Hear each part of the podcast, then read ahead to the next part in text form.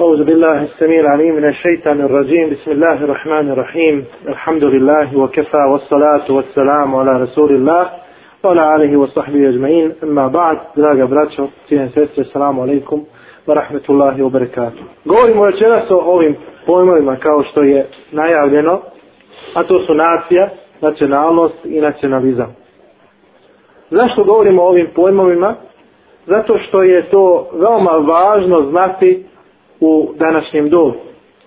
Da bi čovjek mogao uzeti i zauzeti ispravan stav, islamski stav u pogledu problematike koja danas nama, a posebno bošnjacima, kuca na vrata. Kada kažemo nacija, prvo da definišemo ove riječi, kada kažemo nacija, to označava narod u prijevodu narod ili nacija. I ono što definiše jednu naciju, kao što kažu savremeni učenjaci, uglavnom u današnjem savremenom smislu jesu jezik i teritorijalno određeno. Znači da se ljudi nađu na jednom mjestu i da imaju zajednički jezik. Nekada je bilo više faktora, kao što su religijski faktor, to je vjerski faktor, kao što su rasni faktori i tako dalje. Mnogi ovi faktori su danas bačeni na marginu.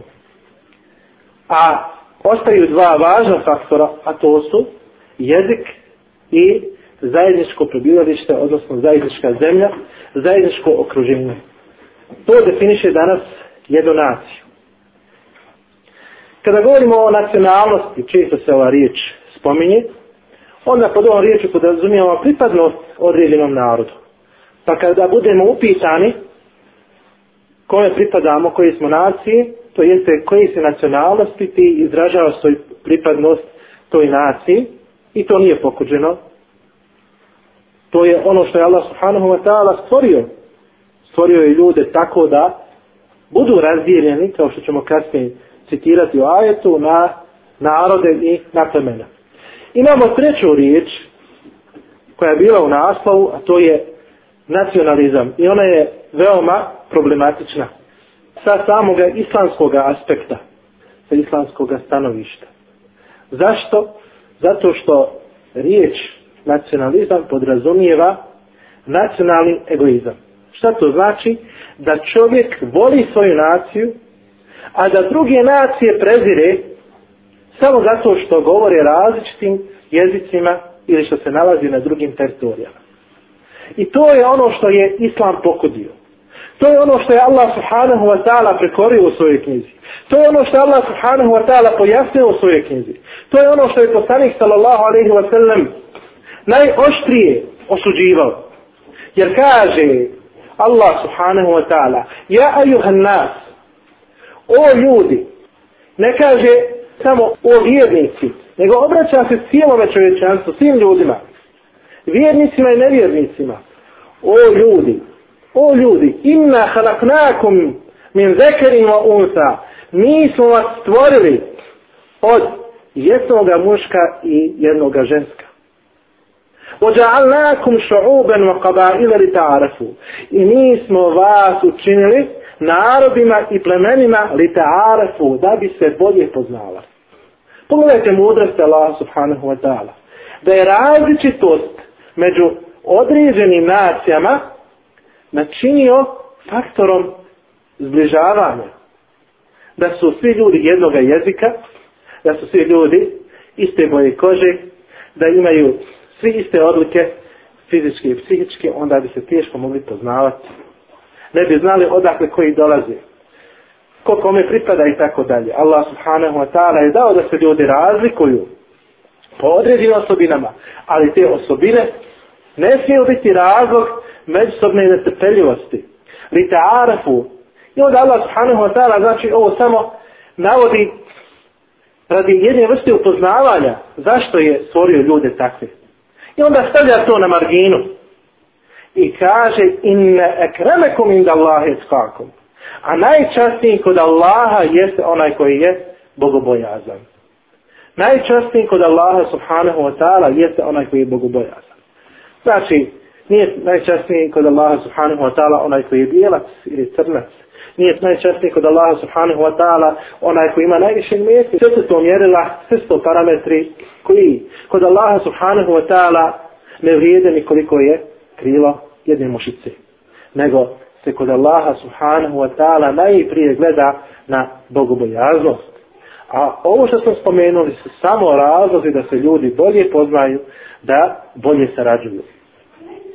Allahu poslanih sallahu alaihi wa sallam, kako prenosi imam el Bejheqi, a hadis je vjerodostojan, je rekao, ja ajuhan nas, opet se obraća ljudima, o ljudi, inna rabbakum wahid vaš gospodar je jedan wa inna abakum wahid vaš praotac je jedan ala la fadl li arabiyin ala ajamiyin u istinu nema vrijednosti arab nad ne arabe pogledajte poslanika sallallahu alaihi wa sallam on je arab većina onih koji ga okružuju 99% su arapi poslanik sallallahu alaihi wa sallam u takvoj sredini izgovara ove riječi. Nema prednosti Arab, nadne Arabom.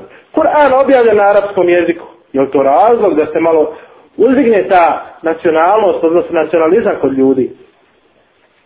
Jeste razlog, ali poslanik sallallahu alaihi wa sallam to preventivno sprečava pa kaže nema prednost Arab nad Arapom. Niti ne Arab nad Arapom. Niti crveni nad crnim. Niti crni nad crvenim illa bi takva Allah, osim po bogobojaznosti. Osim po bogobojaznosti. Znači, ako hoćeš da imaš prednost nad određenim ljudima ili nad određenim čovjekom, onda to možeš imati samo po svojoj bogobojaznosti. Zato se trudi da uradiš što više dobrih dijela, da budeš iskreni prema Allah subhanahu wa ta'ala, da budeš što više pokorni Allahu subhanahu wa ta'ala, pa će to biti razlog tvoje bogobojaznosti, a bogobojaznost te približava kod Allahu subhanahu wa ta'ala i stavlja te na stepen počasti kod njega. Poslanik sallahu alaihi wa sallam, kao što smo rekli je, na početku Islama odmah preventivno djelovao. Nije dozvoljavao da se pojavi i jedan od oblika nacionalizma ili rasizma kaže se u jednoj predaji da je jednog dana jedan ashab jednom crnom muslimanu, znači crne boje kože, rekao, o ti sine crnkinje, o ti sine crnkinje. Pa je poslanik sallallahu alaihi wa sallam rekao, in nekem ru on fike džahilije. Ti si čovjek u kome još ima paganstva. Ti si čovjek u kome još ima džahilijeta.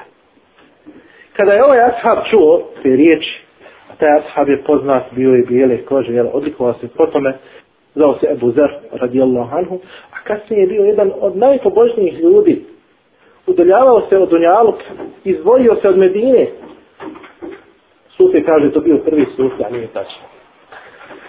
Prvi čovjek koji je ostavljao Dunjaluk radi Ahireta. U onom pravom smislu, riječi, pobožnosti i asketizma.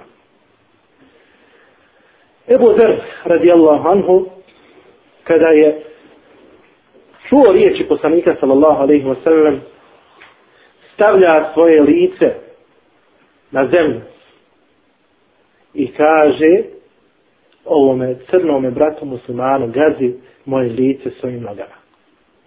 Poslanik sallallahu alaihi wa sallam znači preventivno preventivno djeli. Naravno da to crni brat musliman nije uradio, A i sam Ebu Zer radijallahu anhu je pokazao da se je pokajao i sam je shvatio koliki je grijeh počinio.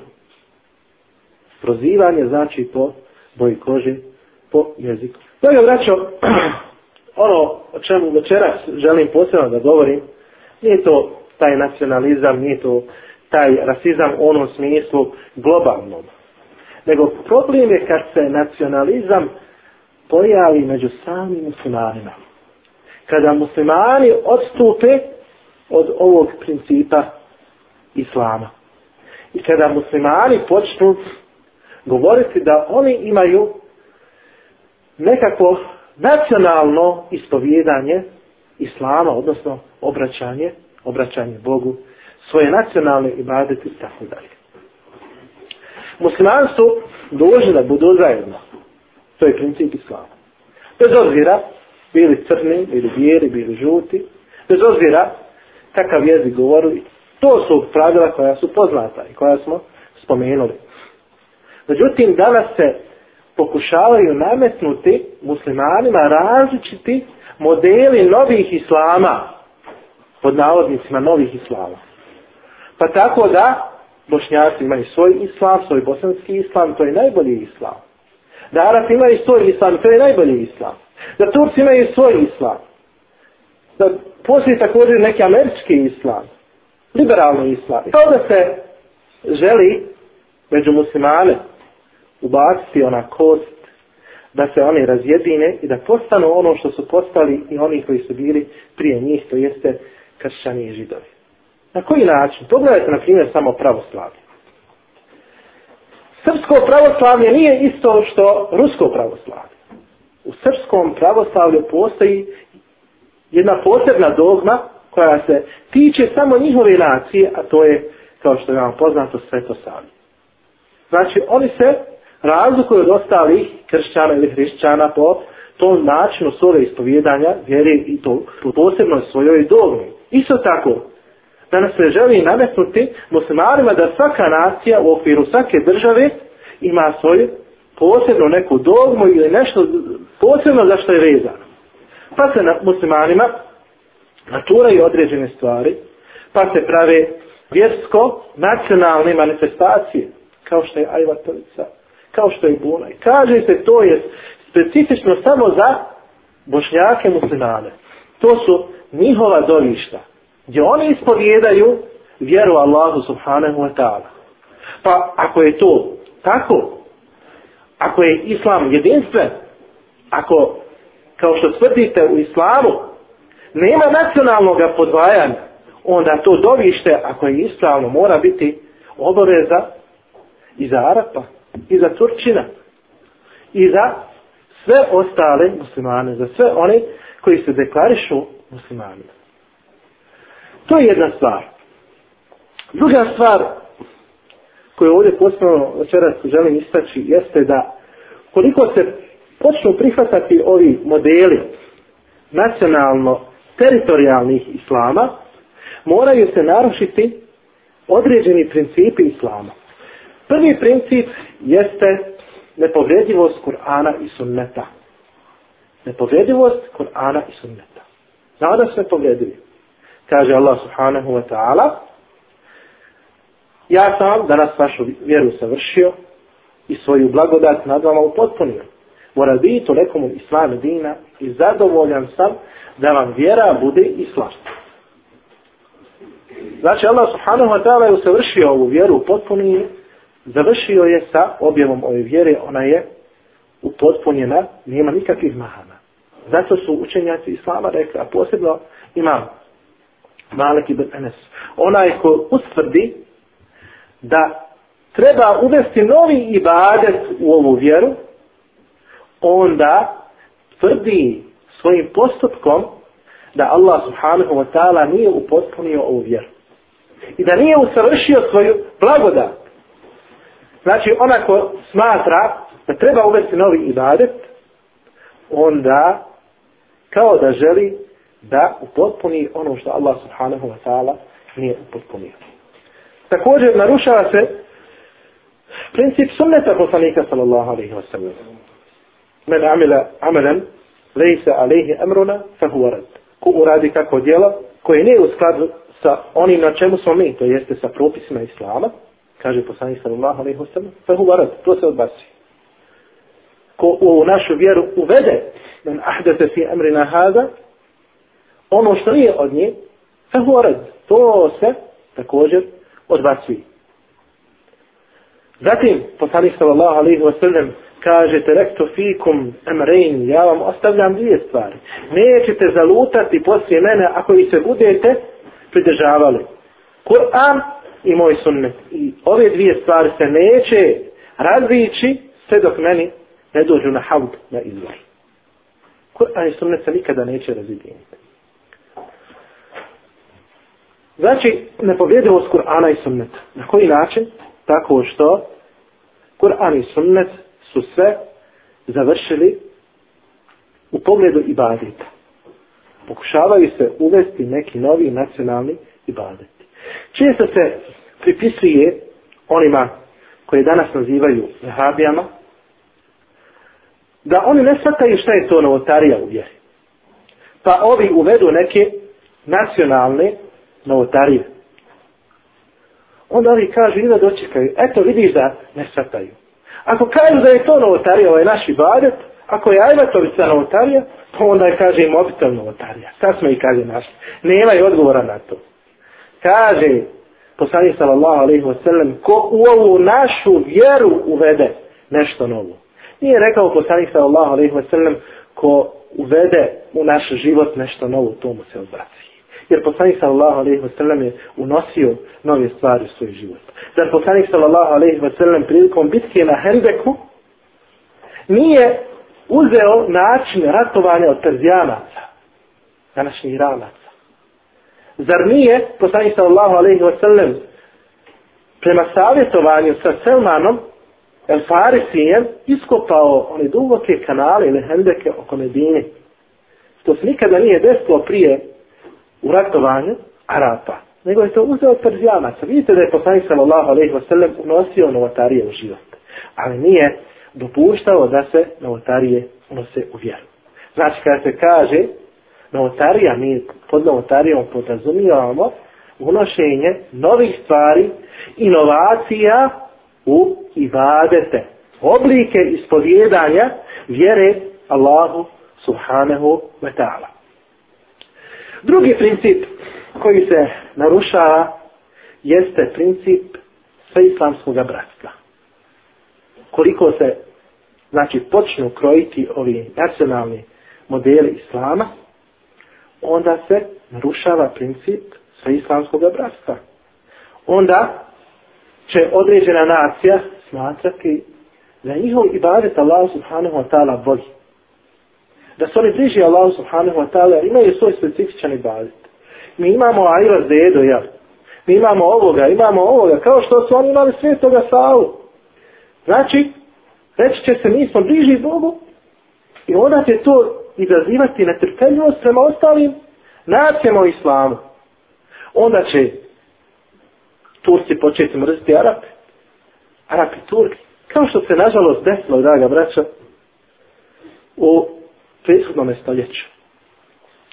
Naime, poslije prvog svjetskog rata ili pri kraju prvog svjetskog rata, na području današnje Transjordane, Palestine i Jordana su se odvijale velike bitke između Osmanskog carstva i Arapa.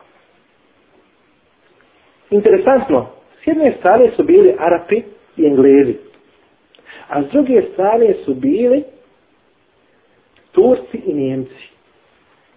Muslimani se borili protiv muslimana i s jedne strane bili jedne nevjernici, s druge strane i drugi nevjernici. Pomagali ih.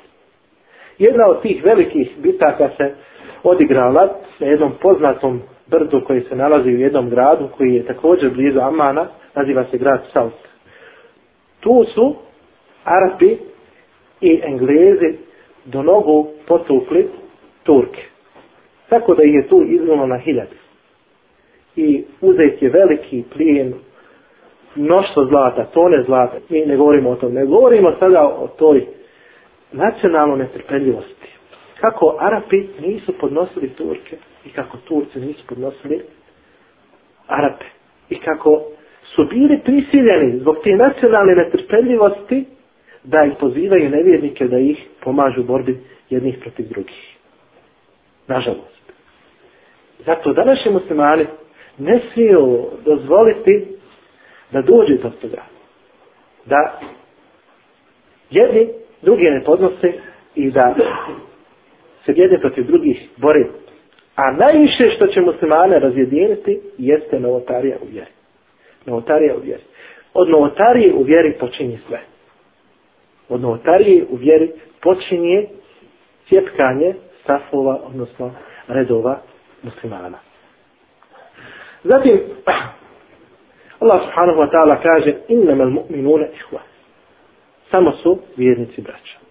Vi se čvrsto Allahovog užeta držite i nemojte se nikako razjedinjavati. Allahovo uže jeste Allahovo subhanahu wa ta'ala knjiga. Jedan primjer još kojeg se sjećam, još u ratu kružila je jedna videokaseta u kojoj je govorio jedan naš fanatik, pjesnik. I sada on opetuje riječi poslanika sallallahu alaihi wasallam, ali malo mijenja tekst toga. Zate u bitci na Bedru da je poslanik sallallahu alaihi wasallam rekao Allahu moj, pa je podigao ruke tako da mu je ogrtač spao. Allahu moj, ako uništiš ovu malu skupinu muslimana, ko će te obožavati na zemlji? Ta kaseta, video kaseta govori o bošnjacima muslimanima, o stradanju, tako. Mislim da se otprilike pojavila 93. godine, zato što je bilo snimaka iz 92. godine. I sada taj pjesnik kaže, Allahu moj, ako uništiš ovu malu skupinu bošnjaka, ko će te obožavati na zemlji? Kao da su bošnjaci jedini muslimani na ovoj planeti. Koji je to samo nacionalizam? Koji je to samo pokvarenluk? I na kraju krajeva to nas vodi u ono pred čega se danas najviše borimo, a to je tekfir muslimana. Ako ti kaže da su bošnjaci, znači direktno ili indirektno, jedini muslimani na zemlji, onda je to veliki problem. Znači da ne smatraš ostale muslimane muslimanima. Zatim, draga braćo, jedan također primjer koji sam vidio nedavno na zapadu. Primjer, to je da sam došao jedan džemat I oni su zakupili jednu prostoriju. I tu sam ušao. I čujem učenje teraviju. S jedne strane i s druge strane. Dva glasa dolazi. Jedan je malo onaj ljepši glas, onaj turski prelaz. Drugi je onaj naš bošnjački. Kad vidim dva džemata jedan do drugoga. Ma i sve isto. Iste novotarije, isto sve. Međutim, šta je dijeli samo mi smo bošnjaci ali su tamo Turci. Samo i zid diri, pet metara diri jedne od druge. Je to islamski kodeks? Ako su željeli da sažnu, da su izvoli, mogu se odvojiti pola kilometra ili kilometra. Međutim, to je, to je u istinu također žalostno. Isto tako, našli je tih primjera koji se mogu naći. Situacija kod Bošnjaka nije nimalo lahka. Bošnjaci se moraju osvijestiti. Niko ne negira naciju. Međutim, problem je one nacije koja želi da u okviri vjeru. To jeste u ovom slučaju islam. Ali nije problem vjere koja želi da u okviri nacije. Znači, nacija mora postojati. Neko se mora izrašnjavati kao bošnjak, neko kao hrvat, neko kao srbe. To su stvari koje Allah subhanahu wa ta'ala utemeljuje u svojoj knjizi. To nije sporno. Ali je sporan onaj trenutak kada se nacija stavlja iznad vjeri.